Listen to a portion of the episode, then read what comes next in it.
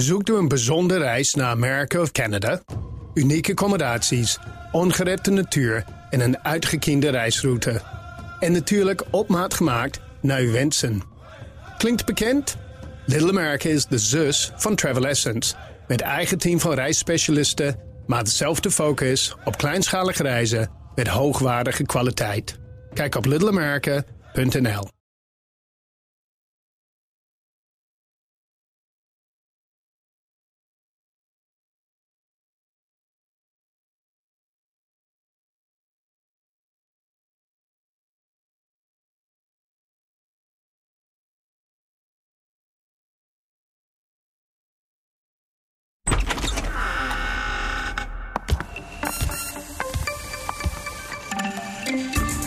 bruggetje naar eh, dit is de, van deze kerstboom wordt, dat wordt, dit wordt de beroemde kerstboom van Rut 4.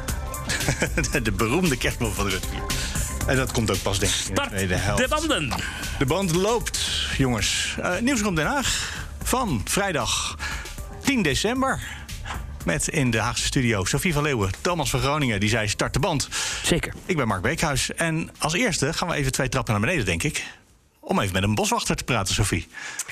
Je Staatsbosbeheer heeft een cadeautje meegenomen. Is dat een cadeautje? De jaarlijkse kerstboom is gearriveerd. Acht meter hoog, ik zag het net staan. We gaan zo weer even terug. Het ruikt hier naar naaldbos in dit gebouw. Ik wil nog even één grapje delen voordat we naar die man gaan luisteren. Pepijn van Houwelingen kwam binnenlopen, eh Forum voor Democratie Kamerlid. Die maakte een foto van de boom. Ik zei mooi, hè? Toen zei hij ja, mooi. En toen zei ik, dit zijn naalden die jullie wel mooi vinden. En toen moest hij heel hard lachen. Ik vond het zelf een zeer geslaagde grap om deze podcast mee te beginnen. Fotootje gemaakt op Twitter. Ja, zeker. Ja. En Nou, eh, dat. verder is het gewoon feest. We zijn hier een gigantisch feest aan het voorbereiden. Het is bijna kerstreces. Allemaal cadeautjes. En een podium komt er te staan. Dat heeft, is even volgens mij opgebroken en, eh, om te oefenen en nu weer afgebroken. En er, er komt een presentatie in de loop van de week, de komende week. Mark Kras van Staatsbosbeheer eh, in de, de Statenhal bij de entree van de Tweede Kamer. Eh, u heeft hier deze gigantische kerstboom naar binnen gesmokkeld. Vorig jaar hadden we een grotere boom volgens mij. Het verzoek van de Tweede Kamer was inderdaad om een boom te, maken, eh, te leveren die passend is. Nou, dat hebben we gedaan. Hij is 8 meter hoog en zoals je ziet past hij precies onder het plafond en is er nog ruimte voor de piek. 8 meter. En een beetje smaller dus om door de nieuwe deuren van de nieuwe Tweede Kamer te passen. Ja, ja, en er zit een knikje in de, in de draai. Vorige keer konden we hem zo recht naar binnen slepen en nu eh, moeten we, moesten we via een knikje. Maar Waar komt hij vandaan? Hij komt uit Kuinderbos. Eh daar hebben we een kerstbomenbos bij mijn collega Harco Bergman. Eh, en die bomen die groeien onder eh, een hoogspanningsleiding. Dus die mogen niet hoger worden. Dus op een gegeven moment moeten ze ook weg. En deze boom heeft daar 17 jaar gestaan. Deze fijn spar. En Oh, wat zielig. En nu is, die, is het voorbij. die is aan een tweede leven begonnen in de Tweede Kamer. Ik bedoel, hoe hoog kun je rijken als kerstboom? En hoe hoog? Dit wordt een hele, hele bijzondere kerstboom. Want er straks staat hiernaast een podium met een coalitieakkoord eh, volgende week. Dat wordt gepresenteerd waarschijnlijk naast de kerstboom. Het kerstkabinet. Dat zou mooi zijn. Dat, dat zou mooi zijn. Hij wordt vereeuwigd voor altijd. En volgens mij is het thema Red Velvet. Ja, dat heb ik ook begrepen. De Red Velvet. Ik weet niet waar het vandaan komt. Ik weet dat mijn dochters heel erg van Red Velvet cake houden. Maar eh, waarom, eh, hoe dat eruit gaat zien, dat is aan de mensen van de Tweede Kamer. Thomas, hebt vast door een hele leuke vraag. Ja, een prangende vraag. Heeft Staatsbosbeheer nog een eh, prangend verzoek voor het coalitieakkoord? Jazeker hebben wij een prangend verzoek voor het coalitieakkoord. Het is nou, we hebben nu het, eh, de natuur binnengebracht in de Tweede Kamer. En ik hoop dat we daarmee de natuur ook in de harten van de Tweede Kamerleden hebben gebracht. En dat ze dat meenemen in het coalitieakkoord. Het gaat nu over miljarden. Hè? Dus hoeveel geld wilt u hebben? Even concreet. Ja, daar- als ik daarover zou gaan en daar zicht op zou hebben, dan zou ik daar antwoord op geven, maar dat weet ik niet. Ik ben boswachter van het Haagse Bos, dus zover reikt mijn blik dan weer niet. Het feest gaat beginnen. Komen er nog lampjes in? Dat lijkt mij wel, dat lijkt mij wel. Dat, eh, lampen, ballen, eh, slingers, eh, de, hij wordt natuurlijk prachtig aangekleed. Nou, ook zo dat onder boswachters jullie dan altijd kijken naar Rockefeller Center in New York. Van nou ja, zo'n grote boom zou ik ooit ook wel eens ergens neer willen zetten. Nou, wij zijn wel, eh, wij vinden mooie grote bomen natuurlijk wel fantastisch. Eh, dus wat dat betreft kan ik me voorstellen dat er wel eh, collega's door het bos lopen en kijken, nou, dit is een hele grote boom. En iedere boswachter in zijn bos heeft bomen waar, waar die toch wel zijn hart aan verpand heeft. Dus, en dat kan, dat kan zijn een, een, prachtige mooie dikke boom, maar of een hele karakteristieke boom waar die jarenlang langs loopt. Waarom dan deze boom? Wat, wat is uw band met, met deze kerstboom? dennenboom of zo, of spar. Ja, in dit geval is het dus natuurlijk eh, het, is, het, is, het is een fijnspar. Het is een fijnspar. eh, en het is een boom die eh, eh, hier in Noordwest-Europa groeit. Dus het is echt een inheemse boom. En dat is wel een band die wij hebben met eh, onze inheemse natuur. Eh, onze Nederlandse natuur, die fantastisch mooi is. Laatste vraag, even om, om een schandaal te voorkomen. Er was netjes een kapvergunning voor afgegeven. Eh, er is toestemming om deze boom te kappen. Ja. Feestelijk. We gaan door naar ons podcaststudio. Dankjewel. Leuk, leuk. Boswachter. Dit is, ja, ja, dit is een feestje ieder jaar weer. Dus dat is echt heel erg leuk om te doen. Dus het, eh, we doen het al 28 jaar. Dus het is elk jaar weer een, eh, een feestje om hier de, de boom naar binnen te slepen. En hem dan zo mooi te laten zien. Dit wordt dus de beroemdste kerstboom ooit, denk ik, in Nederland. Althans. Leuke, sympathieke man. En ik had nog even met hem napraten net. Had een En- hoedje op, hè? Zo'n groene boswachterspak. Jij zag er ook uit als een boswachter. Ja, mooi. groen uniform. Hij is dus van het Haagse bos. En toen besefte ik ineens, ja, er is hier voor de deur gewoon een bos. Ja. Waar je prachtig kan wandelen. Waar, er zijn jonge vosjes eh, geboren. En die leven daar. Hartstikke mooi. Ik kom daar nooit. Dat is toch zonde? Zullen we daar voortaan gaan wandelen in- tijdens De onze volgende keer op het strand Is dat geen podcastformat? Oh ja, um, ja. Een Een wa- wandeling door het bos. De wandeling door het Haagse bos. En dat, Met een eh, politicus. ja, Zo. Ik zie ik hoorde je gisteren zeggen dat je voor het laatst op BNR was. Dat vond ik een beetje raar. Nee, dat is niet waar. ben je er ook weer. Kijk, ik, ik, de, de rubriek Studio Den Haag die maken wij iedere dag om half zes in, in de middag bij Roos en Donatello als ze er zijn. Ehm, en wat, het is vaak een wisselend duo. En, Ja. dus om half zes. januari wordt dat stabieler hoor, heb ik me laten vertellen. Oh ja? Ja. Als ik wegga, dan wordt het ineens stabiel. Dat is ook gek. Maar goed, eh, eh, maar dat, dat is er nooit in het reces, normaal gesproken. Ah ja. En volgende week doe ik de ochtendshow. Eh, en ben ik een paar dagen vrij ook nog eens. een keer. Ik denk dat dat niet doorgaat vanwege de coalitieperikelen. Maar Ik zou dat... Ja, die is die nee, vrije dagen, die ben ik alweer kwijt. Maar, eh, dus, maar dus er was afgelopen donderdag... was dus inderdaad mijn laatste keer die rubriek. Toch gek? Hoe voelde dat? Ja, nou, als je na tien jaar weggaat bij een bedrijf... is toch een beetje het idee dat je dan eh, heel de tijd afscheid aan het nemen bent van dingen. Ja. Maar zo voelt het nog niet, moet ik zeggen. Ik heb nog het idee dat ik nog maanden te gaan heb. Je hebt toch niet gehuild? Oké. Dat komt Wat nog. gaan we dan tijdens deze podcast doen?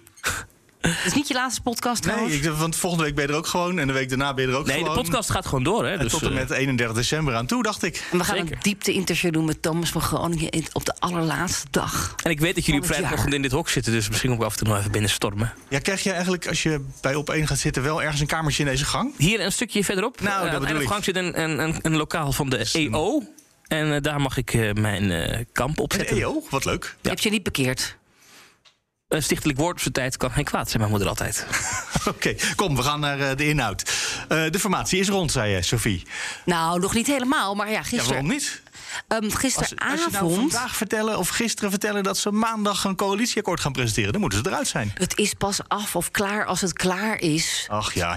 Gisteren ook nog even met modderen. Sophie Hermans over gehad van de VVD. En eh Wopke Hoekstra van het CDA. Het is pas klaar als het klaar is. Dus eh, de, de finale klap Ja. Moet nog worden gegeven. En eh, zo vlak voor het weekend, ook nog wel opmerkelijk... komt er nog weer een hele rits. Nou, de Efteling komt niet langs, Thomas... maar wel de gemeentes, gemeentefondsen. Heel belangrijk. Het gaat ook over heel veel geld wat daar naartoe zou moeten. Provincies. Hoe Ja. gaan we Nederland inrichten de komende 30 jaar? De arbeidsmarkt komt ook nog voorbij. Dus er moeten nog heel veel plasjes worden gedaan. Waterschappen. Maar is dat om nog, Waterschappen. om nog een laatste keer te horen dat mensen hiermee in zullen stemmen? Of is dat Nou, meer om te zijn- vertellen, dit gaan we doen en jullie moeten het vast Kijk, weten? het zijn de drie bestuurslagen van ons land. De Verenigde Nederlandse Gemeenten, Unie van Waterschappen en het interprovinciaal overleg. Kijk, die, ik heb het idee dat je dit toch een beetje kan uitleggen als dit gaan we doen. Eh, hier krijgen jullie een beetje voor inzagen.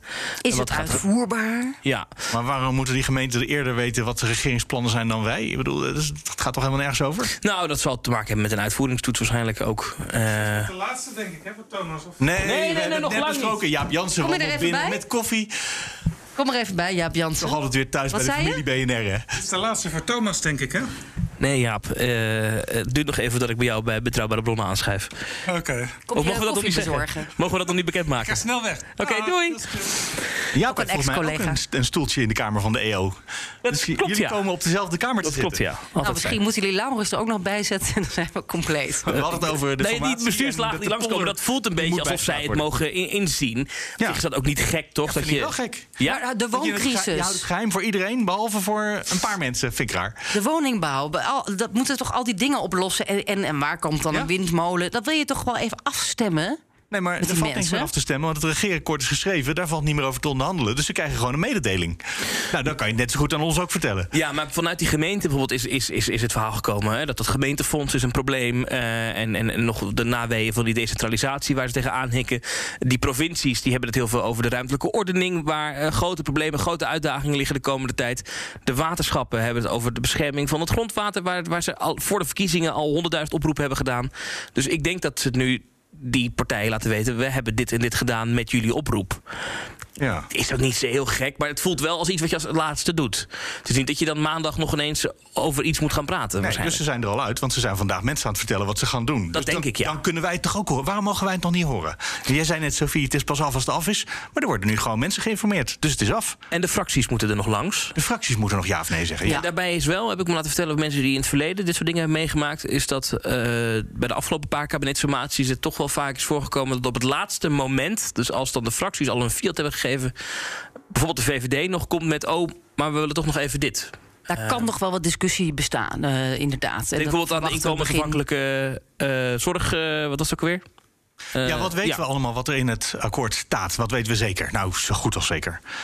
Nou, er is eigenlijk van alles al uitgelekt. En je kunt dat ook gewoon lezen in alle rapporten die al op tafel liggen. eh, waar de consensus zit. Nou, Eh, vandaag. eh, de eh, opmerkelijke zaak? Wat, wat er gister, gisteravond dan lekte was, was via NRC dat eh, de, de loonkloof in het onderwijs eh, wordt gedicht. Ja, dus op de basisscholen gaan ze evenveel verdienen als op de middelbare scholen? Dus D66 die, die lekt eigenlijk en die presenteert... wij hebben eindelijk onze onderwijsbelofte, die gaan wij inlossen. Dat is eigenlijk wat ze hier willen zeggen vandaag.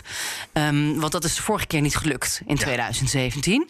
Nu zijn ze groter, tweede partij. Dus die hebben Ze kunnen meer binnenhalen. op tafel geslagen. Wij moeten dit binnenhalen. Mark, bovendien gaat het ook over de toekomst van jouw kenniseconomie of iets dergelijks. Dus Elke keer als jij Mark zegt, denk ik dat je het over mij hebt. Maar dat is een misverstand, hè? Het gaat over die andere Mark. En dat geld, dat is eigenlijk een beetje. Het klinkt als heel veel geld, maar het valt eigenlijk wel mee. Eh, want bij de Algemene Politieke Beschouwingen is er al een half miljard geregeld voor die loonkloof tussen basisschool en middelbaar eh, onderwijs. Die is al voor de helft gedicht. Daar moest nog een Andere helft moet nog even geregeld worden. helftje bij. Dat is ook een beetje. Die voelt hij eigenlijk een beetje aankomen. Want ze willen niet alles weggeven, natuurlijk. eh, omdat ze nog demissionair waren. Dus Ja. heel veel is geparkeerd van. Oké, dat vullen we dan aan bij de formatie. Oh, wat voor bedrag hebben we dan voor een basisschoolleraar? Een paar honderd euro per maand erbovenop? Een basisschoolleraar die zit nu ongeveer maximaal. Dat is helemaal niet zo heel slecht betaald hoor. Op 4200 euro na 15 jaar werken. Ongeveer per maand. En eh, middelbaar kun je over de 5000 gaan. Dus dat scheelt toch wel 1000 euro. Ja, ja. eh, op bruto, op je maandsalaris. Ga naar het maar dat gaat onderwijs, vooral. Nee, nee, nee, ja, maar- ik denk dat Ja. je bij, Nou, het de onderwijs omroep meer. betaalt ook goed, toch? Ja, goed. Het is een beetje te vergelijken met een salaris voor een journalist in, bij, de, bij de publieke omroep.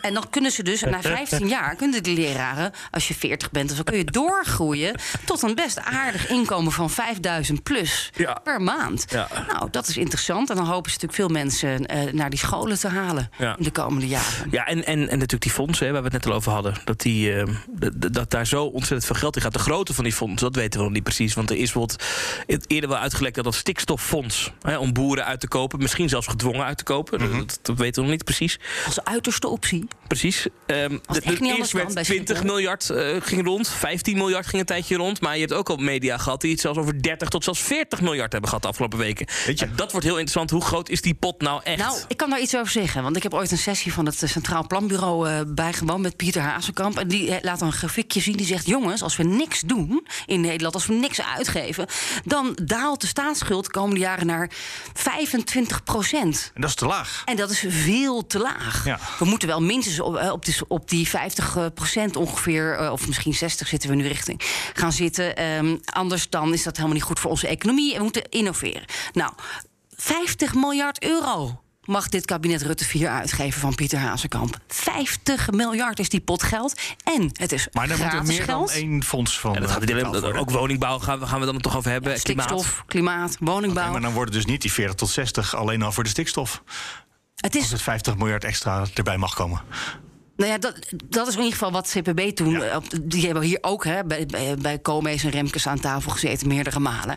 Eh, dat, dat kan sowieso, dat groen licht. Maar bovendien is het gratis geld. Nou, v- zelfs de VVD vindt gratis geld ook, eh, ook heel fijn. Dus dat gaan we lenen tegen een, nog steeds een hele lage rente. Op dit moment nog net wel heel laag. Gaat misschien stijgen. Nu lenen, uitgeven. En in feite nooit terugbetalen. Dat geld verdampt gewoon. Die schuld die verdampt. Dus dat is een cadeautje Ja, begrijp- voor, ja, Begrijp wel, want, want voor dit kabinet.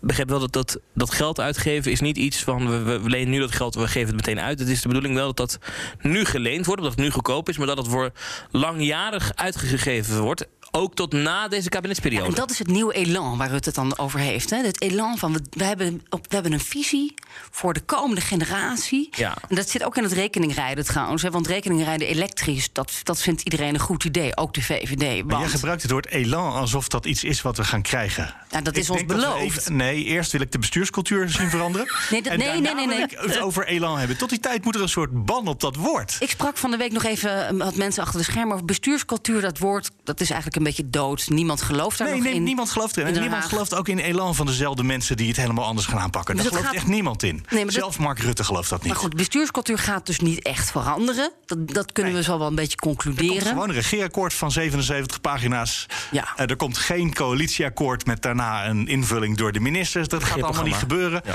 Op maandag krijgen we gewoon alle details gepresenteerd. En dat heet dan Elan. Ik weet het nou, ik, er komt ik- wel ik een- zie een- gewoon niet wat er kan gebeuren dat we het over Elan moeten Ik hebben. vind het wel moeilijk. Ik, hier kan je pas over oordelen het hebben gezien. En, en, en er staat een Nou, handtekening. hebben we gezien. En dan weten we nu al dat dat dus gewoon flauwekul was. En Ja. ik denk dat Elan gewoon ook weer een woord is. En iedereen heeft het dan ineens over. Jullie nemen het over. En ik snap dat dat gebeurt. Maar doe het gewoon niet. Oké. Ja, Nou, maar goed, ik bedoel meer, er staat een handtekening van Rutte onder. Ja. En, dat is, en als je dan kijkt wat daar op tafel ligt, is dat toch wel even ja, iets. Dat hadden we vier jaar geleden niet, of vijf jaar geleden inmiddels, denk ik. Hè, hadden we dat ook niet, ook niet verwacht.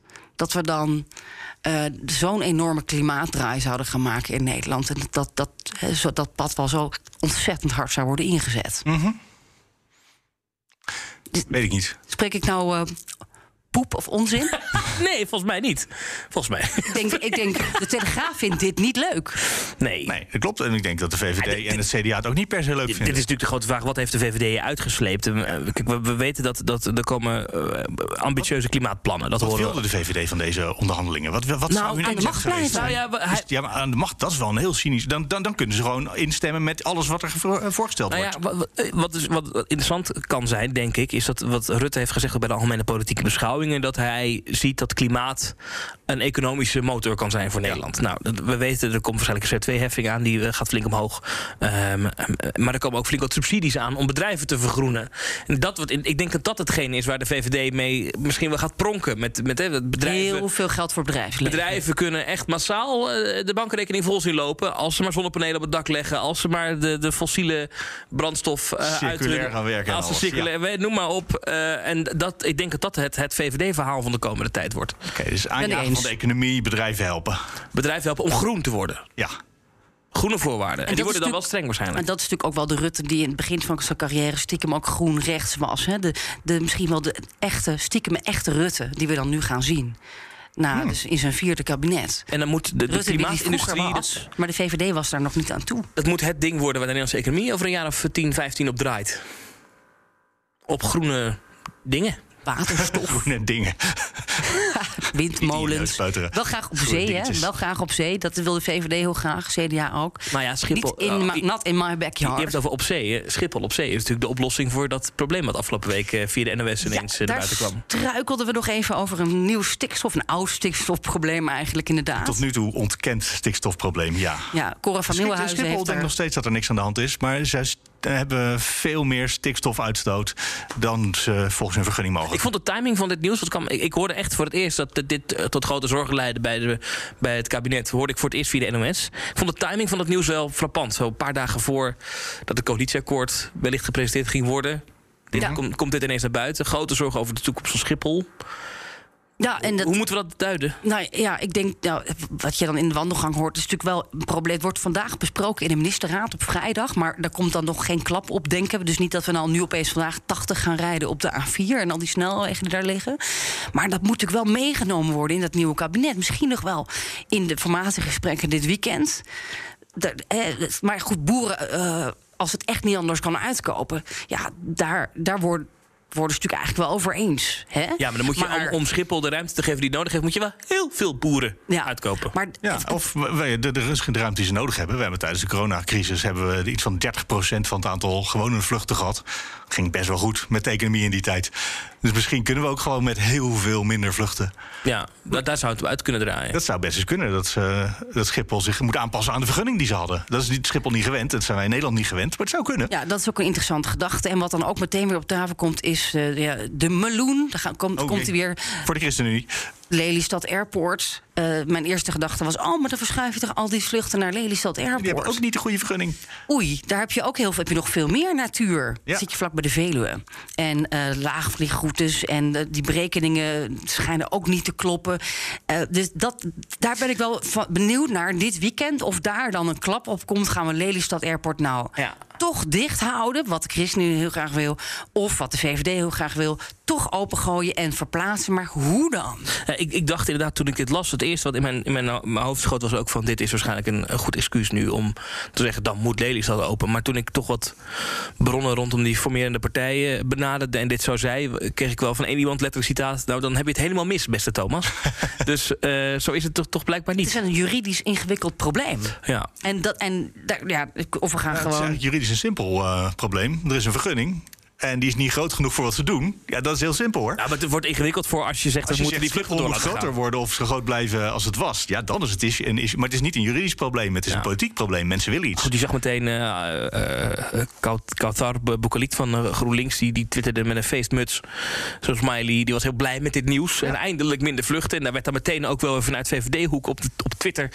waar het debat zich tegenwoordig ook een beetje plaatsvindt... gereageerd met... ja, maar vergeet even niet hoeveel banen mensen hebben rondom Schiphol. Eh, dat is natuurlijk ook een punt. Dus die, die discussie, die- ja, dat het zijn nogal belangen die spelen. Zijn Ik, belangen, ik zeker. eh, voorspel dat het zal uitkomen op een compromis. Waarbij je dus misschien iets onder die 500.000 vluchten gaat zitten. Misschien een paar miljard naar treinen. En nog een beetje iets. Of het dan 80 kilometer wordt, weet ik niet. Maar langzamer rijden in, in die Op de omgeving. start- en landingsbanen 80 maximaal. Hè? Boeren.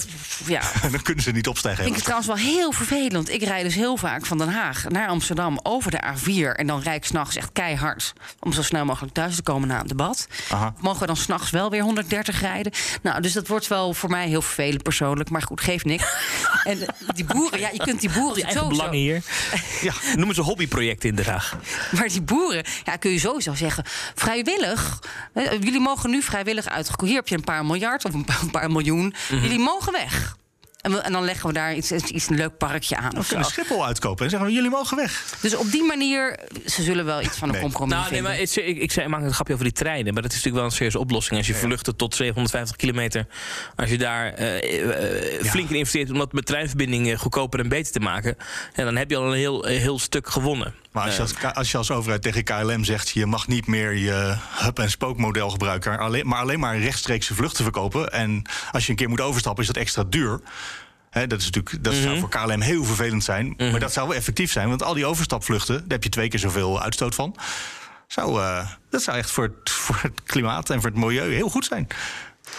Fijn, wij komen al Dat wordt aan spannend. het einde van het eerste half uur. Wij zitten alleen maar over de formatie te praten. Straks gaan we gewoon in de tweede helft Het niet over formatie over hebben? alles an, al het andere hebben. Want er is al best wat gebeurd in deze Ja, week. ik heb nog in mijn klapblokje staan hier. Jawel. hebt een heel klapblokje volgeschreven, Thomas. Nou, Zijdelings ook wel weer te maken met de wel Alles formatie. heeft met de formatie te maken, ja, dat is waar. Misschien moeten we het toch nog even over de avondlockdown hebben. Of Ja, ik vindt iemand denken, dat interessant? Corona, corona's. Ja, nou, nee, ik las vanmorgen het onderzoek van, wie was het ook weer? Eh, nou, ik ben even de organisatie nou, kwijt, het, maar het, heeft niet zelf een enquête gedaan. We willen niet meer weten over het cor- corona. We willen het gewoon niet meer horen. Oh, echt? Oh. Oh ja, ik helemaal Dus mee eens. moet- ja, en ik- die- die- die- we zijn hier met z'n drieën, toch al minstens twee van de drie, die meteen denken: ja, dat herken ik. Ja, we begrijpen ook wel dat een groot deel van Nederland... eh, dat ben ik ook uit een enquête die in opdracht van het RIVM zelf gedaan Oh, was. dit was het RIVM, ja. Ja, dat een, een, een deel van Nederland ook vindt dat het kabinet stelselmatig te laat reageert. Dat Ja. is ook wel een boodschap die eh, hard moet aankomen in Den Haag. Daar zijn we toch niet verbaasd over? Of wel? Nou, nee, want in het verleden bleek uit die gedragsonderzoeken de hele tijd dat Nederland massaal het kabinetsbeleid steunt. Oké. Eh, of of dat nu overgrote echt meer- weg. En dat is dat, ja, en dat die steun is kwijt. En dat is wel zorgelijk natuurlijk. Waarbij het dus toch opvalt dat een deel van Nederland nog steeds voor zwaardere maatregelen pleit. Mhm. En vandaag, als we het opnemen, komt het OMT bij elkaar. Ehm, en ja, die gaan, als ik beetje mijn OMT-radar. Die is best wel sterk geworden de afgelopen tijd. Omdat ik op een van manier het leuk vind om in de auto gewoon een willekeurige OMT-leden te bellen. Maar dat je dan eh, ehm, eh, daar toch wel hoort dat ze waarschijnlijk wel gaan adviseren dat er iets meer nodig is dan nu. Vanwege de zorgen rondom Omicron. En omdat de eerste labresultaten eh, rondom Omicron toch zorgwekkend zijn. Dat in ieder geval ehm, voor een deel de vaccins niet goed beschermen. Ja, of minder de goed beschermen. even tegenoverstelde. Die zei eh, lichte, het, lichte versoepelingen rond de kerst. Ja, dat is weer wat anders. Kijk, want dat is dus het ding. eh, Het kerstdiner. ja, Oh, maar daar moet dan voor waarschijnlijk. kerst krijgen we even ontheffing en dan mogen we knuffelen en de dag daarna niet meer. Dat is vanuit de politiek de wens. Ja, dat gaat natuurlijk geen viroloog voors, eh, voorschrijven. Nee, maar die zullen het ongetwijfeld wel erkennen dat dit nodig is. Dus waarschijnlijk is deze vraag ook gesteld aan het OMT. Kan dit? En dan zal het OMT wellicht zeggen dat daar dan misschien iets anders tegenover moet staan. Ehm, het gereedschapje dat het kabinet nog heeft is het coronatoegangsbewijs bij niet-essentiële dienstverlening en niet-essentiële winkels. Ja, maar dat is een beetje een, eh, eh, een lege huls, of hoe zeg je dat? Ja, Want eh, in feite, die wet is heel erg... die is door de eerste en de tweede... of eerst door de tweede en toen door de Eerste Kamer gehaald... eh, enorm afgezwakt. En eh, de- in, de, in een bijzinnetje eh, erbij geschreven... dat anderhalve meter afstand houden ook wel goed is... in plaats van die QR-code. En dat is eigenlijk de situatie waar we al in zitten. Ja, maar voor de hele drukke winkels eh, zou je kunnen zeggen, daar moet je hem dan toch opleggen. Eh dat kan waarschijnlijk de burgemeester kan dan met zijn bevoegdheid zeggen. Nou, bijvoorbeeld de, de bekende meubelboulevards, die toch wel druk krijgen altijd rond Mhm. kerst. Denk even aan tweede kerstdag wil je echt niet naar Ikea. Eh ofwel, Sowieso. moet nog even Ongelooflijk, hè? Ook, ook op tweede kerstdag wil je niet naar Ikea. Nee, eh, maar eh, ja, d- d- d- d- dat, dat, dat zou nog een optie zijn. Dat, dat daar dan Mhm. het coronatoegangsbewijs verplicht wordt. En verder ja, is er, zijn er ook niet zo heel veel mogelijkheden meer. Ja, je kan nog zeggen, je moet die avondlockdown nog vervroegen naar drie uur 's middags. Maar heeft dat nou echt effect? Dat is de grote vraag. Ja, dat is heel lastig uitrekenen. Ik denk het ook mentaal misschien, eh, dus even die QR-code in, de, in, de, in die winkels invoeren. Dat dat ook mentaal een stapje is. Omdat je in het voorjaar ook wel, of in, in de januari ook weer gaan, wil gaan praten over de volgende stap. Hè? Misschien 2G of vaccinatieplicht. Ja. Dus in die zin is het ook wel logisch om, om die stap nu te zetten. Maar zou dan zijn, niet- raken mensen er vast een beetje aan gewend. En wat ze dan. het meeste opvalt als je het dan hebt over het volgende weegmoment. Oh, weeg, ja. Ja, weegmoment is het een vies Jullie woord. zijn van het jargon. Ik En dat zal ongetwijfeld drie, vier weken na 19 drie weken december liggen. Eh, dus dat zal dan ergens eh, nou ja, begin, januari De tweede week van de nieuwe regering. Is Oh, dat, dan hebben we weer gezellig die bordesscène samen met een persconferentie. is dat Hugo de Jonge het er dan nog wel over heeft? We moeten dan hebben over 2G. We. Ja. Eh, en ja, Hugo de Jonge. De grote vraag is of hij dan nog eh, eh, achter het eh katheder staat bij de coronapersconferenties. Ja, daar Ja. horen we hele wisselende geluiden over. Zeer wisselend. NRC weet vrij eh, zeker te melden dat het ministerie van Volksgezondheid niet naar het CDA gaat. Dat betekent Dan kan dat het de jongen niet worden. Dan kan het de jongen niet worden. Dat betekent dat er dus een andere minister op dit dossier komt. Ik zat zelf te bedenken. Eh, maar dit is, komt echt uit mijn koker. Kan het niet zo zijn dat ze corona lostrekken van de minister van Volksgezondheid? Zodat we weer een corona-minister krijgen? Dus dat kan dan natuurlijk wel, Hugo de de jongen op corona? Dat zou kunnen. We- weet ik niet, hè? Maar dat is iets wat ik dat zelf wordt een bedacht. enorme verlichting van zijn, van zijn portefeuille. Dat moet hij als een belediging ervaren. Ja, weet ik niet. Ehm, Of is het gewoon iemand die als het land hierop dat gaat nou, doen? eh, want het punt is namelijk, de coronaportefeuille is nogal een... Wil je die? Eh, Waarom zou je als partij daar... Dit is namelijk nog het afbreukrisico is gigantisch. Toch?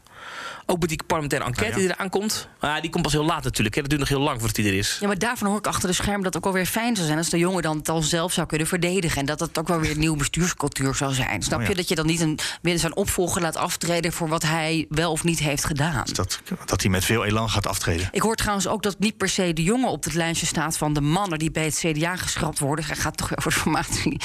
Ehm, maar dat dat eh Grapperhaus zou zijn... die niet meer welkom is bij JNV. Wat ze ontzettend jammer vinden achter de schermen. Eh, oh, die bruiloft is iedereen vergeten.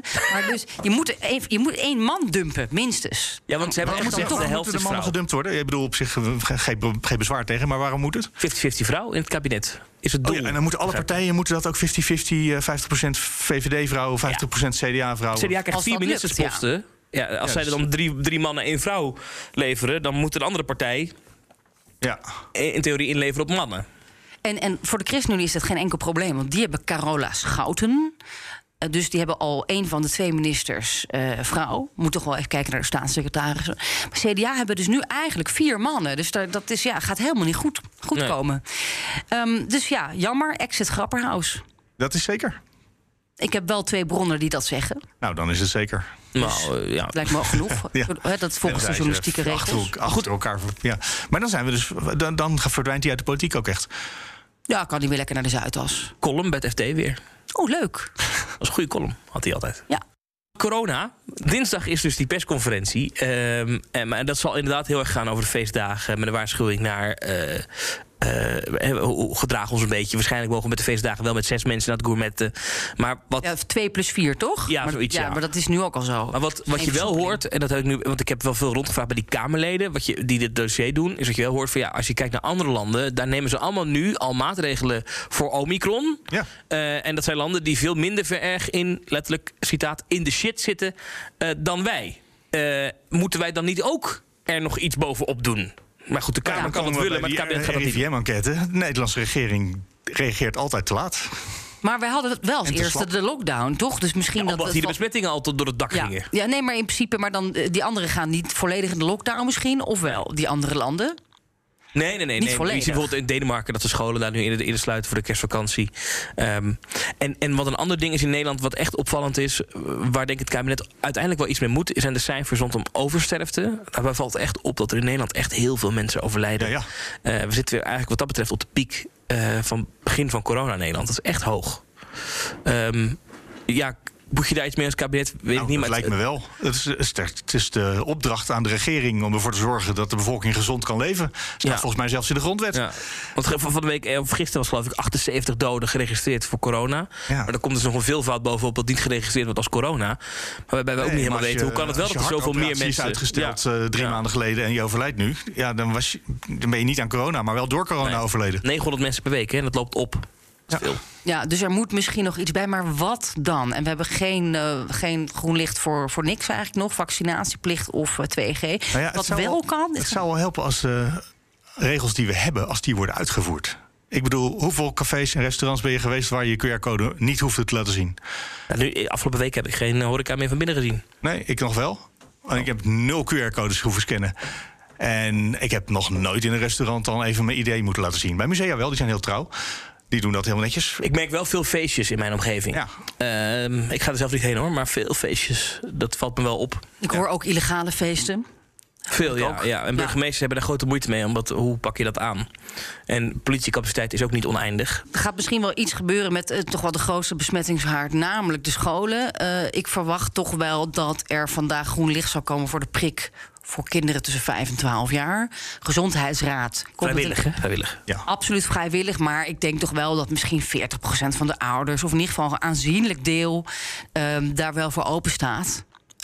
Vast, ja, want 85% van de volwassenen is geprikt. Dus dan zullen de, die zullen vast ook hun Prik kinderen voor kinderen laten- ligt wel heel gevoelig. Ook omdat ze er zelf eigenlijk, ja, nou ja, ze hebben er niet zoveel mee te maken. Maar tegelijkertijd eh, gaat het dan naar opa's en oma's. En hè, daar hebben ze natuurlijk wel mee te maken. Maar dat is, ligt in Nederland heel erg gevoelig. Nou, maar gewoon gezondheidsraad. DKTP, of hoe heet die prik ook weer, die je als baby al krijgt. Ja, maar het is niet zoals de polioprik of zo. Nee, zo daar, kun- daar kun je het dan weer niet mee vergelijken. Oké. Wordt maandag een duivels dilemma voor ons als politiek verslaggever.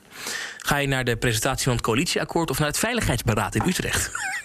Nou, eh, als jij nou naar het veiligheidsberaad Dan ga je wel gaat. naar het Dat is jouw hobby. Ga ik dan dacht naar ik het wel, ja. coalitieakkoord. Ja. En Maar dat dinsdag eh, presentatie. Eh, Ik nee, denk dat maandag, ik vind maandag wel heel snel. Maandag is kort dag, omdat die fracties... eh, ja, we gaan weer terug naar denk- de formatie, maar die fracties moeten er nog langs.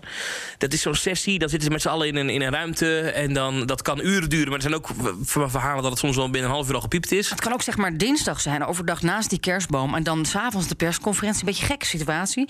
En dan daarna hebben we nog eh, woensdag coronadebat en debat. Nee, wacht even. Eerst het debat over het akkoord. En dan over corona met Hugo de Jong. Ik las bij de collega's van de NOS dat de fracties al hun fiat gegeven zouden hebben voor die presentatie. Ik sprak gisteravond nog een Kamerlid die zei: dat lijkt me sterk, want ik heb nog niks gezien.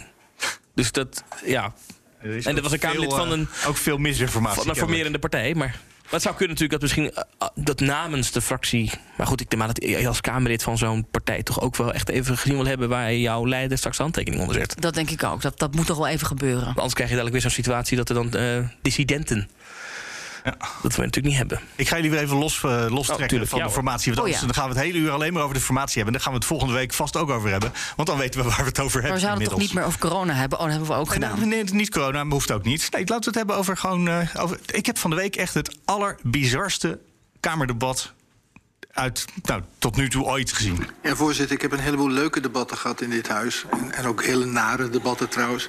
Ik vond het vanavond heel raar, heel vreemd. Ja, voorzitter, ik heb me vanavond eigenlijk af zitten vragen waar zijn we mee bezig. En ik hou niet van staatsrechtelijke strapatsen. En ik merk wel op dat het kabinet 1,3 miljard uitgetrokken heeft voor deze compensatieregeling. Dat wij feitelijk geconfronteerd worden met een eh, leeg stukje eh, voorhang. Vertel, ik heb het vast En gemist. Dat gaat over een wet die niemand wil. Ook niet de staatssecretaris die hem, gaat, eh, die hem indient. Dus de, de Kamer die was er tegen. Of in ieder geval niet enthousiast. De staatssecretaris die diende hem in en die zei: Ja, we moeten het maar gaan doen, maar ik wil het ook niet. Als ik het voor mezelf samenvat, dan is deze wet een stukje risicobeheersing. Om vertraging van de integrale wet op te vangen. Maar ook hierbij heb je weer een groot risico op vertraging. Ik, ik, ik heb zelf gezegd, van, ja, ik, ja, je kunt er ook niet echt een buil aan vallen. Eh, maar ja, is dat nou waar we voor op aarde zijn? En dat heeft te maken met het eh, toeslagenschandaal. En de slachtoffers, de, de groep slachtoffers die steeds groter wordt. Uiteindelijk bleken niet alleen de ouders slachtoffer te zijn, maar ook hun kinderen. Want die hebben natuurlijk een hele lastige jeugd gehad in armoede. En bijvoorbeeld ook de ex-partners die uit beeld waren inmiddels. Maar die zijn misschien toch gewoon een paar jaar geleden wel half failliet gegaan. En dus die komen nu allemaal weer in beeld. En er komt nu een. eh, ja, die krijgen allemaal ook verga- eh, vergoedingen. En die krijgen ook allemaal ondersteuning als ze bijvoorbeeld failliet gegaan zijn of hele hoge schulden hebben. Daar komen nieuwe regels voor. En dat wordt in een nieuwe wet gemaakt. En dan worden ook alle bestaande regels die we hebben, worden ook allemaal in die hele grote wet, in één hele grote wet verzameld. En Nou, die- handig zou je denken. Dat is een advies van de Raad van State. Dat is een goed idee. En dat zo'n wet, dat is best een tijdje dat je erover moet, eh, moet doen. Voor je die door de Kamer en de Eerste Kamer, advies van de Raad van State, de Tweede Kamer hebt. En hij moet op 1 april ingaan. Dat vind, is heel belangrijk. En de staatssecretaris denkt dat ze dat niet gaat redden. En daarom heeft ze een tweede wet gemaakt. Een wet daar eigenlijk helemaal niks in staat. En in die tweede wet staat alleen maar... de staatssecretaris gaat regels maken. En die komen dan later wel een keertje. Oh ja. Voor het geval die eerste wet er dus niet op tijd doorkomt... dan komt er een soort eh, noodwet. eh, en die kan dan eh, ja, vrij ingevuld worden. En de Tweede Kamer ziet daar helemaal niks in. Die snappen niet dat dat snelheid oplevert. Die snappen het allemaal niet. Het is echt gewoon keihard een list die er bedacht is. Gewoon een juridische truc. Mevrouw Van Uffelen, het woord is aan u. Wat met dit voorliggende wetsvoorstel bedoeld is, is eigenlijk niet meer dan het voorkomen van vertraging bij het uh, starten van aanvullende regelingen voor kinderen, ex-partners en voor mensen die gedupeerd zijn door aan uh, andere toeslagen dan uh, de kinderopvangtoeslag. Maar vooral ook om te stoppen met het fenomeen van de beleidsbesluiten. Zoals u weet hebben we beleidsbesluiten in de afgelopen tijd veel gebruikt. En met name de Raad van State, en ik denk ook terecht, maar ook uw Kamer heeft gezegd dat dat eigenlijk niet de juiste vorm is waarin we zouden moeten werken. Ja, van de ene, ene kant zou je kunnen zeggen, kun je tegen een, een vangnet zijn. Aan de andere kant uh, hebben we dit vangnet überhaupt wel nodig. Ja, ik denk dat we vanavond inderdaad een wetsvoorstel hebben behandeld... wat in teken staat van risicobeheersing. Maar risicobeheersing die wel eens tot het tegendeel zou kunnen leiden... namelijk dat een voorrangprocedure tot vertraging zou kunnen leiden. En dat is toch wel een risico wat vanavond niet helemaal getackeld is. Ik, ik, probeer heel erg uh, een beetje in mijn hoofd de film af te spelen van wat heb je nodig om een goede wet te maken. En waardoor zou die kunnen, zou die kunnen vertragen. Nou, er zou bijvoorbeeld kunnen dat bepaalde, bepaalde toetsingen nog niet zijn of een advies nog niet klaar is. Maar die zijn er. Dus daarom probeer ik heel erg mezelf voor te stellen wat zou dan de reden kunnen zijn dat je toch dit traject in zou moeten gaan. Nou, dat zou kunnen zijn bijvoorbeeld omdat u het niet eens bent over de inhoud van de wet. Ja, voorzitter, mevrouw Van Dijk die stelt heel precieze vragen. En toen zei de staatssecretaris van, ja, stel dat de Kamer het met de inhoud niet eens is. Dan kan ik het alsnog doen. Maar dat kan toch nooit de bedoeling zijn van zo'n uh, zo'n proces. En als het dan niet zo is, dan kun je natuurlijk gewoon zo'n deelwet eruit lichten... wat de heer Van der Leest net zegt. Dan, dan doe je dat toch. Dan heb je toch gewoon netjes die wet, dan, dan is de Kamer het daarover eens, stemt erover... en dan, die andere hou je dan aan. En dat gebeurt bij voortdurend. Sterker nog, deze wet is daar een voorbeeld van. Die is namelijk uit het belastingplan gelicht. Zo doen we dat dan normaal gesproken. Maar stel nou eens dat uw Kamer de, wet, uh, de nieuwe herstelwet uh, ziet zitten. En daar allemaal voor stemt. Maar de Eerste Kamer uh, neemt de tijd ervoor, of lang de tijd ervoor. Omdat ze zeggen, wij hebben toch moeite met onderdelen daarvan. U bent het eens met alle aanvullende regelingen. En de Eerste Kamer is nog aan het werk om daar een besluit over te nemen. En stel dat de Eerste Kamer daar ook nog uh, tot het najaar volgend jaar over doet, wat kan. Hè, de Eerste Kamer bepaalt haar eigen tempo. Dan zou het kunnen zijn dat dus onderdelen van, het, van de wet bijvoorbeeld deze aanvullende regelingen nog niet kunnen worden uitgevoord. Meneer ja, maar, ja, maar voorzitter, kijk, de Eerste Kamer is mans genoeg om voor uh, zichzelf op te komen. We kunnen toch niet een beetje de democratische besluitvorming ontmantelen via een delegatiebepaling? Dat kan toch niet? En als de staatssecretaris de Eerste Kamerleden daar niet van kan overtuigen, omdat blijkbaar de wet zo rammelt dat zij het uh, niet willen behandelen. Ja, dan, dat is wel een beetje hun staatsrechtelijke rol en positie. En nogmaals, we hopen het niet. We willen het misschien ook helemaal niet. Of beter gezegd, ik wil het in ieder geval liever niet. Ik wil liever die ene integrale wet. Maar wel ervoor zorgen dat er niet een vertraging ontstaat. En dan zijn we eigenlijk met elkaar uh, ja, energie en tijd aan het voldoen... aan wat we eigenlijk helemaal niet willen met z'n allen. Nou, je hoort iedereen heeft hier vragen en problemen mee. Van links tot rechts, van coalitie tot oppositie. En er waren ook meerdere Kamerleden die zeiden: laten we deze wet anders eventjes over het kerstreces heen tillen. Maar dat gaat dus toch niet gebeuren. De minister van de staatssecretaris Van Huffelen wil heel graag toch dat deze week of de komende week erover gestemd gaat worden dat, ik, dat laatste vond ik nog wel het meest bizarre. Dat je denkt, nee, ik ga het gewoon, ik duw het wel door, want ik vind dat het moet. Ja, we moeten toch ook een beetje opschieten met die, met die mensen helpen. Toch gaan we nu niet sturen over regeltjes en juridische procedures. Dit is het ministerie wat zich uh, wat bij rechtbanken documenten heeft achtergehouden, wat heeft gelogen tegen alles en iedereen die vragen stelde. En die gaat, neemt nu ook weer een loopje met de democratie. Want het komt er in zekere zin op neer dat de Eerste Kamer buitenspel gezet wordt. Dat de Tweede Kamer, nou, die krijgt wel nog invloed, maar op een hele rare manier. Terwijl er ook een, een reguliere manier is. Je kan namelijk ook zeggen, nou, dan halen we die ene wet, die een, dat ene deel van de wet halen we eruit en dat behandelen we los later als je over dat ene nog discussie hebt. Het is raar. Maar er was nog een debat trouwens over uh, uh, de toeslagenafweging. Ik word, dat is misschien ook, het zijn er dan zoveel en het duurt zo lang dat je ja, soms denkt, ik skip FSV, het gewoon maar. De, ja, maar de, deze, deze hebben de we wel. discriminatielijsten van de Belastingdienst. Ja, dat, dat, dat, ging dus eigenlijk niet zozeer alleen over de toeslagenaffaire. Maar het, het, dit raakt heel erg aan de toeslagenaffaire. Omdat dit wel iets is wat naar voren kwam. Doordat mensen gingen graven in die toeslagenaffaire. Um, het overlapt. Het overlapt, ja. Uh, dit gaat over de FSV. Dat is de fraude signaleringsvoorziening. Daar hebben we het al eerder over gehad in deze podcast. Hè. De zwarte lijsten die de Belastingdienst jarenlang had. En um, wat. Kijk. Er is nu een rapport geweest van eh, PwC, hè, die, die, hebben dat onderzocht. Overigens best wel interessant om nog eens in gaten te houden hoeveel geld die PwC's en Deloitte van deze wereld dan niet verdienen oh, aan al die veel. onderzoeken. Maar goed, al die misstanden bij de overheid. Dat is ook een big business. Maar goed, maar die. Um, en, en nou, daaruit bleek dus dat het toch wel een aanzienlijk uh, uh, probleem was. Dat er ook wel aanzienlijke overlap was met die toeslagenouders. En nou, daar debatteerde de Kamer over. Het was niet heel spannend. Er kwam niet echt nieuws uit dit debat. Maar ik vond het wel een aardig momentje om even te laten horen. Pieter Omtzigt, die uh, ja, toch de Belastingdienst vrij hard fileert. In, en hij kreeg maar drie minuten spreektijd. En, en hij ging er best wel hard in. In een rechtsstaat houdt de Belastingdienst zich misschien nog wel meer dan andere onderdelen van de overheid aan de regels. Omdat de Belastingdienst meer dan de helft van het inkomen van jou afroomt via belastingen, omdat zij ongekende machtsmiddelen in huis heeft bij de invordering. Omdat ze mensen onder de armoedegrens kan drukken. Wanhopig kan maken. Het huis kan uitzetten. Autofuiken kan opzetten. Waarschijnlijk mensen afgeluisterd heeft zonder dat wij het weten. Zwarte lijsten kennelijk kan doen. Dit lijkt in de verste verte niet meer op de rechtsstaat die er moet zijn.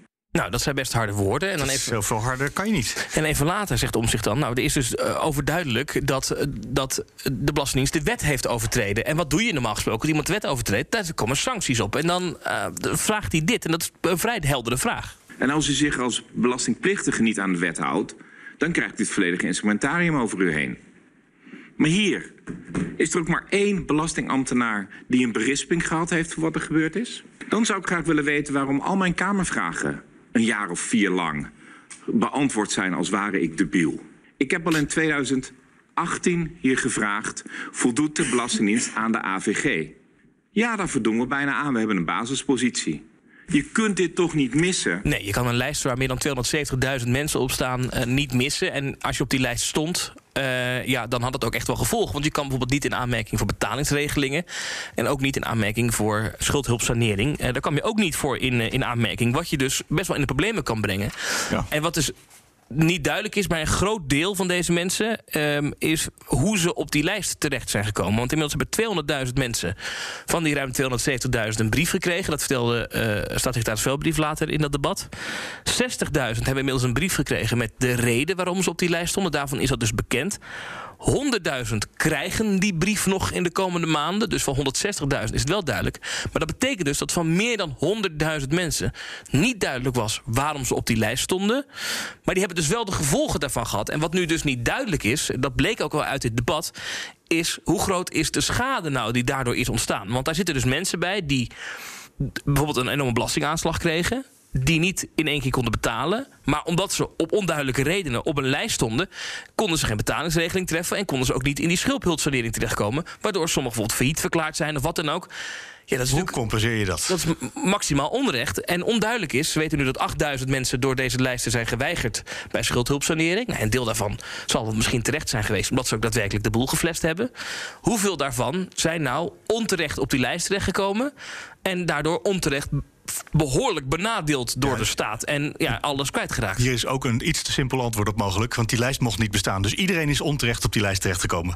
En ik, ik moet dan toch denken aan misschien meer Amerikaanse toestanden. In de United States zou je dan toch gewoon de staat voor miljoenen aanklagen en zeggen: Je hebt mijn hele leven verwoest. Grote ik wil gewoon action, eh, een hele ja. grote zak met geld. Het verbaast me dat dat nog niet eens op tafel ligt. Of dat, zijn zijn er al mensen die daarom roepen? Nou, ja, ik eh, kan me voorstellen dat je dat, dat je dat zou willen eisen. Nee, want er zijn dus ook mensen die prijs dus- voor je leven. Die dus, die dus, laten we zeggen, dit- gaat alleen nog even om particuliere en ZZP'ers. Het hele MKB-rapport, hoe MKB'ers die op die lijsten stonden zijn benadeeld, dat komt nog. Daar is PwC nog mee bezig.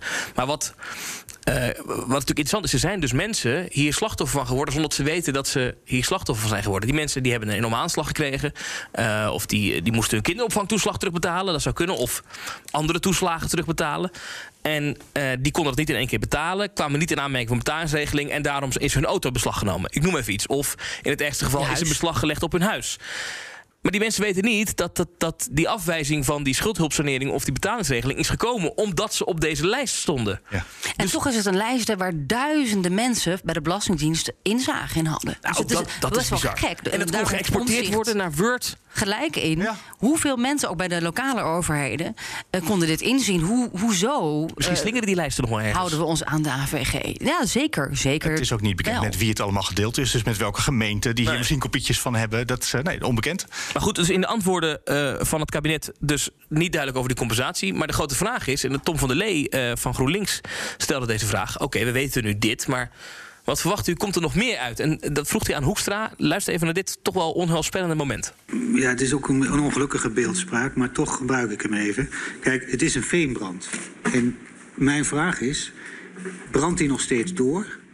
Of eh, hebben we de contouren in kaart gebracht en is nu het nablussen begonnen en herstel? En hè, zijn we nu al in die fase beland? Of is er nog steeds sprake van een veenbrand, van zaken die we nog niet weten en misschien alsnog boven water komen? De minister.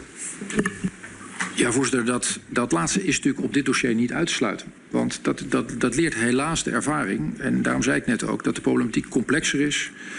Ehm, eh, dat het aantal gevallen groter is. Dat de tijd die we nodig hebben eh, gewoon iedere keer meer is dan we, dan we ook zelf naar beste weten. En naar allerlei dubbelchecks hebben ingeschat. Ja, dus we zijn al twee jaar aan het puinruimen op, op, op- bij de Belastingdienst. En zelfs na twee jaar zegt de minister nog... wellicht komen er nog dingen aan het licht straks... die we nu nog niet weten. Ja. Dat vond ik, vond ik onheilspellend. Pieter Klein en eh, Jan Klein Nijhuis volgen in Trouw en eh, RTL Nieuws. Die Nee, Pieter al- Klein gaat naar Nieuwsuur. Ja, die gaat naar eh, Nieuwsuur, maar voorlopig zit hij nog even bij RTL. En die heeft natuurlijk de afgelopen jaren het een na het andere document... en de een na de andere onthulling boven water gekregen. Dus, eh, En dat houdt nog niet dat- op als we dit zo horen. Of nou, eh, mogelijk. wat je hoort is dat het hele verhaal zou nog eh, met de compensatie ook zou nog wel tien jaar kunnen duren. Zo erg is het. Ja, moet overigens wel zeggen. Dat bedacht ik me vanmorgen in de auto hier naartoe.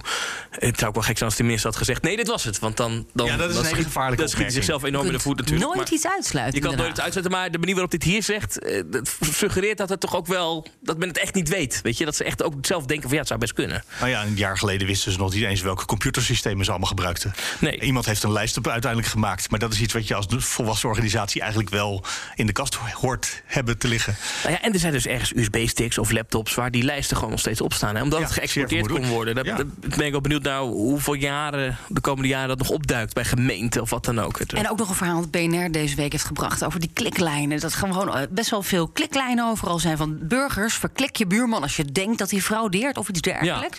Dat vond ik ook wel. Want dit is ook een kliklijn, hè? Want meld, meld misdaad anoniem.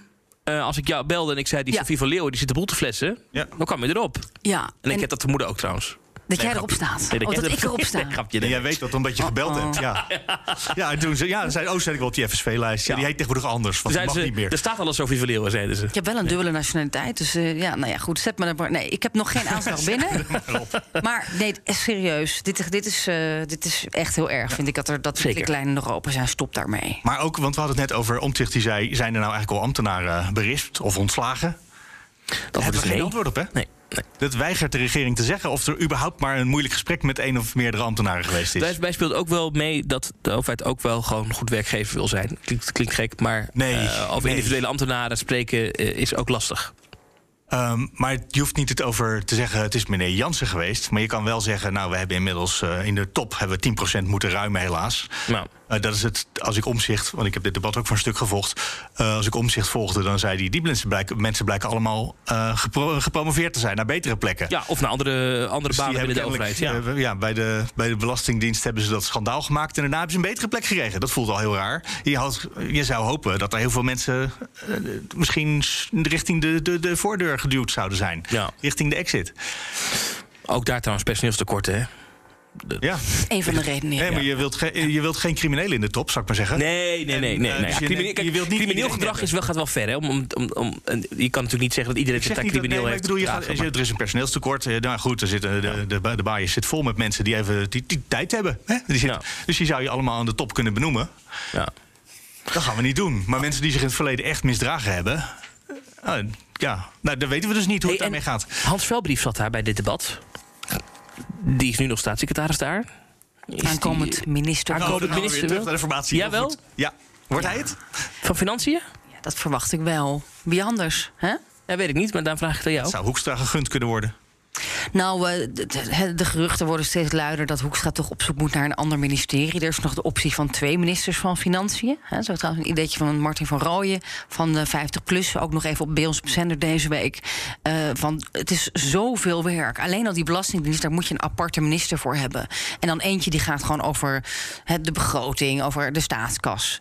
En dat soort zaken. Aan de andere kant heeft daar zit niet zoveel werk in. Want we geven gewoon heel veel geld uit. En niemand houdt zich nog aan wat voor begrotingsregels dan ook. In Brussel niet. In Nederland hebben we ook te veel geld. Dus dat is eigenlijk ook niet zo'n hele zware baan. Dus misschien kan dan toch één minister het doen. En dan wordt gezegd Hans Vuilbrief. En dan moet Hoekstra op zoek naar een ander ministerie. Sociale zaken. Sociale zaken wordt genoemd. Eh, JNV, de post van Grapperhaus, wordt genoemd. Kan niet lekker eh, ja, iets met de cocaïne eh, aan de gang? Dat is toch een, een beetje de hobby van hem de laatste tijd. Hè? Een beetje Ondermijning, hè? dat vindt hij een belangrijk thema. Heeft hij in de verkiezingen ook drugs aanpakken. Veel echt, gehamerd. Echt CDA. Dus ehm, waar die gaat zitten, dat is nog niet helemaal duidelijk. Sociale zaken. Hoewel Chris nu niet aast op die post. Jij wilt het niet over de formatie hebben, hè? Nou, ik laat jullie even uitpraten. Voor ik weer eh, terugga naar een heel ander onderwerp.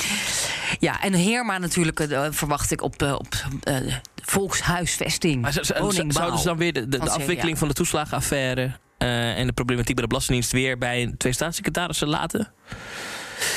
Dat, en zou Van Uffelen dan doorgaan? Ja, je mag hopen dat Van Huffelen de klus afmaakt. Ze zit er pas net. Ja. Toch? Maar goed, dat is ook wel weer D66. En wat een terrorklus is dat ook. Oh, verschrikkelijk. Maar goed. Maar ja, sowieso. Minister zijn lijkt mij echt geen werk. Nou, de werk is het wel, maar... nee, eh, dat lijkt me echt een hondenbaan. Ja. Ja, mij ook. Dat, eh, ik, ik solliciteer nog even niet. Mijn naam gaat ook niet rond, maar, maar, Nou, maar nee. eh, dat, zo werkt het, hè? Dat is ook een self-fulfilling prophecy. Daar heb ik al een beetje moeite mee. Ik zat van de week ook bij, bij een, een, een niet nader te noemen talkshow. En toen was dat aangekondigd dat we het samen over de poppetjes zouden gaan hebben. En toen heb ik wel wat appjes gekregen van mensen die dan dachten: noem mijn naam nou.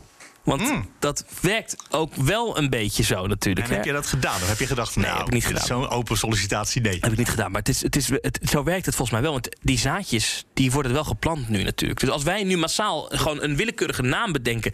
die best een optie zou kunnen zijn. voor bijvoorbeeld, laten we zeggen, minister van Buitenlandse Zaken. En wij zeggen, nou. Ja, Sylvana Simons. Bernard Hammelburg. Ik Oh, we moeten wel een vrouw hebben. Oh, dat, ja. Ja. Eh, Hennis, hè, horen we dus. Die, Ja. die zouden ze uit Ja, Irak oké. kunnen En Hennis gaat het terug- maar worden, want die heeft net haar klus in Irak eh, Maar ik bedoel meer, als wij, als wij Ik heb wel even een SM, eh, we hebben het eerder over gehad. Een, een appje wat ik haar stuurde een jaar geleden. Van ga Ja. jij dan voor buitenlandse zaken? En toen zei ze: Ik heb net voor een jaar bijgetekend, maar dat jaar is nu om. Ja, maar dat heeft ze Maar net- weer Ze bijgetekend. heeft net weer bijgetekend.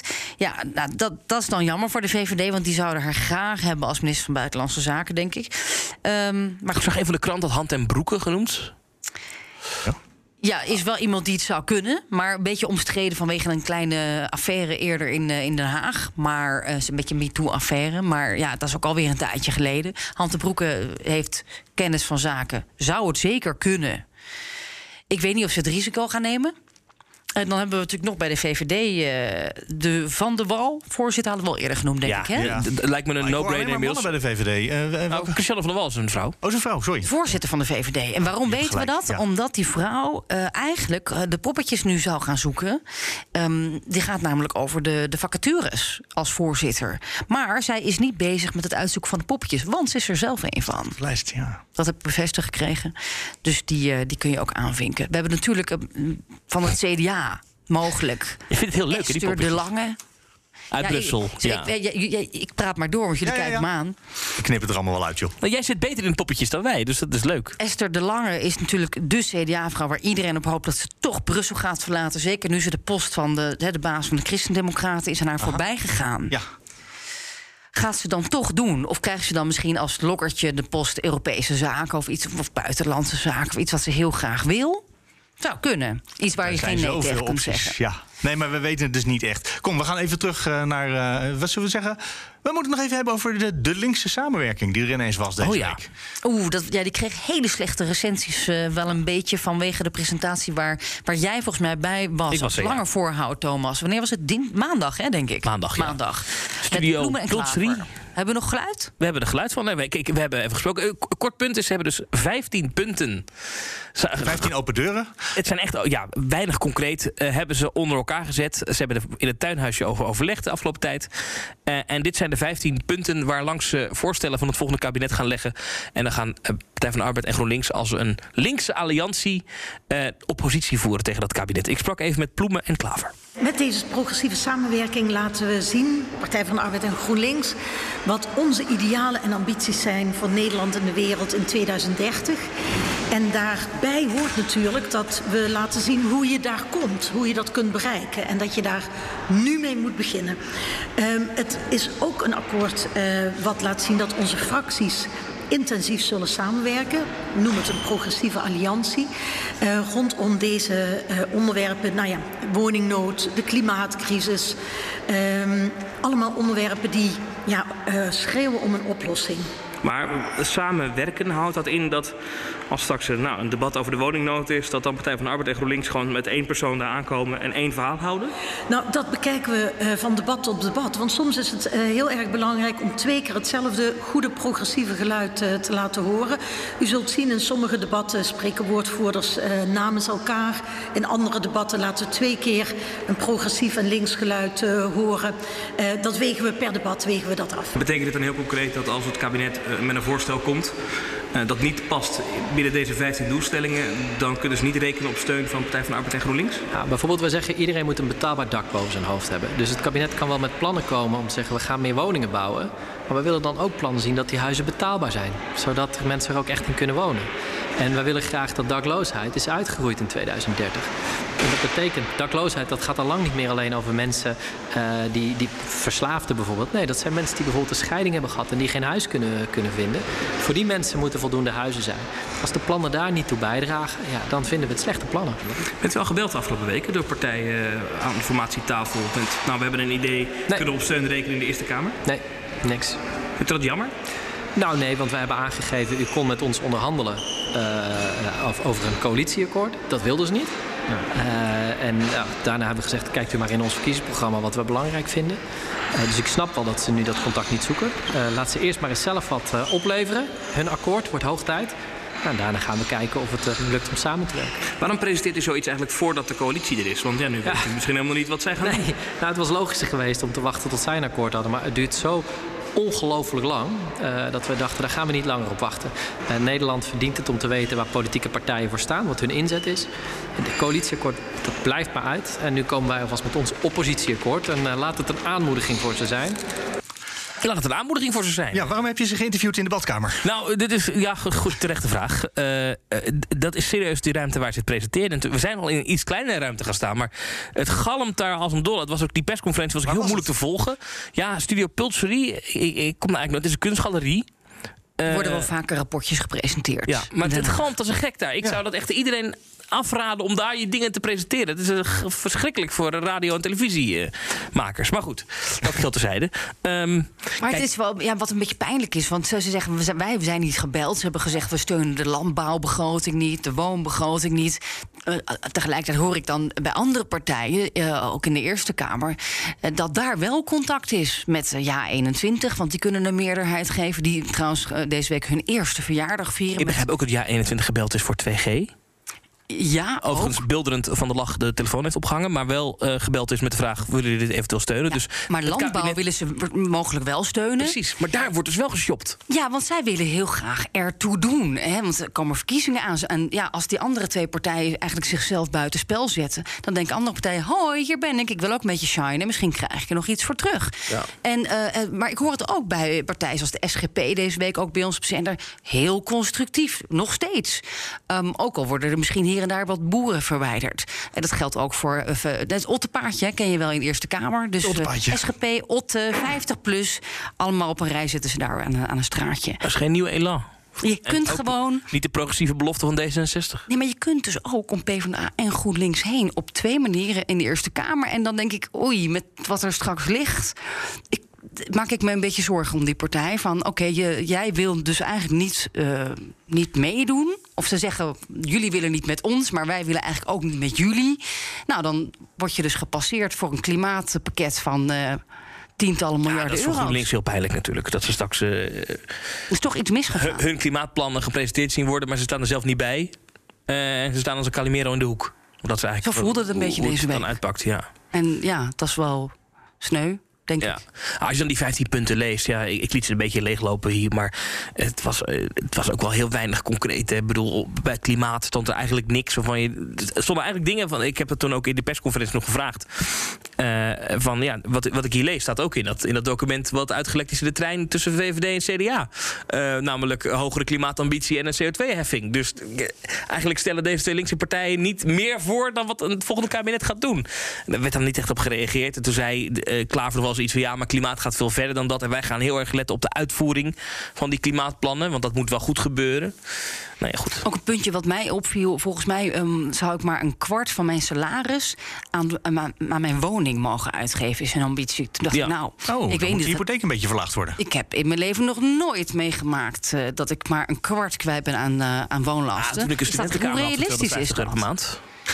Ja, Ja, maar wordt- dan moet iedereen een hele goed. Nou ja, ik, ik weet niet. Maar misschien kan het, maar ik vond het ambitieus. Ja. En het is een- misschien een mooie gedachte, maar niet helemaal gedachte. haalbaar, denk ik. is absoluut een mooie gedachte. Ik ga misschien dat gebouw hiernaast wonen, zit ik te bedenken.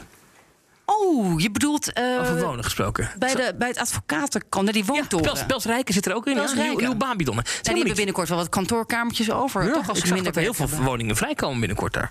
Goh. Maar dan woon je naast die werk, dat is ook niks eigenlijk, hè? Nee, je moet even wat afstand hebben. Een stukje fietsen, een stukje in de auto. Maar dan ben ik wel een keer op tijd. Kom jij in Den Haag? Dat is ook wel weer goed. Kom je in Den Haag wonen? Nou, misschien. Weet ik niet. Nee, maar Tilburg is ook wel een hele mooie stad, hè? Wel een beetje ver weg. Maar je moet ook wel je voeten Nee, en je Tilburg. voelsprieten in de provincie houden. blijf Mag, Tilburg. mag Tilburg Nee, de provincie Ik zat gisteravond te geinen met een collega van... is niet wat om een, een pied-à-terre eh, te huren in dat gebouw hiernaast? Want ik heb dan wel last... eh, Gisteravond dan was, er, al- was dan dat formatiedingen... en er stonden alle journalisten van de NOS en de kranten... die stonden allemaal in dat persvak... en ik zat op Politiek 24 live mee te luisteren. En toen had ik echt fear of missing out, hè? echt FOMO had ik. Ik dacht, oh, ik moet er ook zijn. Uiteindelijk heb ik niks gemist... want ze zeiden niks bij de buitenkomen. Maar heb je dat nooit? dat je Hi, dan... zei die toch? Mark Rutte? Mark Rutte zei weer hi, hi. Ja, Ja, ik, ik wil ook een Pieter in Den Haag. Misschien moeten we er samen één huren. Dat we af en toe om de beurt kunnen crashen. Maar ja, dan wil je precies op dezelfde moment op die, bank, op die slaapbank. Ik weet niet, het wordt wel heel is- gezellig. Dat, is dan. onge- nee, dat, is, dat gaat ook weer niet. Maar goed idee. Je mag hier niet, dat is, wist je dat? Je mag hier niet, wij huren hier een ruimte in het Tweede Kamergebouw. Maar dan mag je niet inslapen. Je mag niet overnachten. Je mag wel slapen, je mag een dutje doen. Oh ja. Maar je mag, en dat geldt ook voor Kamerleden, dat geldt ook voor partijen. Je mag niet overnachten in het Tweede Kamergebouw. Oké. Dan gaan we dat maar niet doen. Ik weet niet hoe dat gecontroleerd wordt, maar hier is op zich wel ruimte voor een veldbed. Maar heeft eh, WNL geen, geen budget voor een, eh, voor een hok? We hebben een hok hier, Een verderop, slaaphok? bij EO. Nee, ik bedoel een slaaphok. Een slaaphok? Een, een pied-à-terre. Ik zal toch eens eh, vragen aan Bert Huisjes of dat kan. Bij deze verzoek ingediend. Heel veel mogelijk is. Ik weet niet of die luistert. Ik denk dat we aan het einde komen, hè? Dat denk ik ook, ja. Van Nieuwsroom Den Haag. Je hoort Thomas van Groningen, Sophie van Leeuwen. Ik ben Mark Beekhuis. En volgende week zijn we er weer. Tot dan.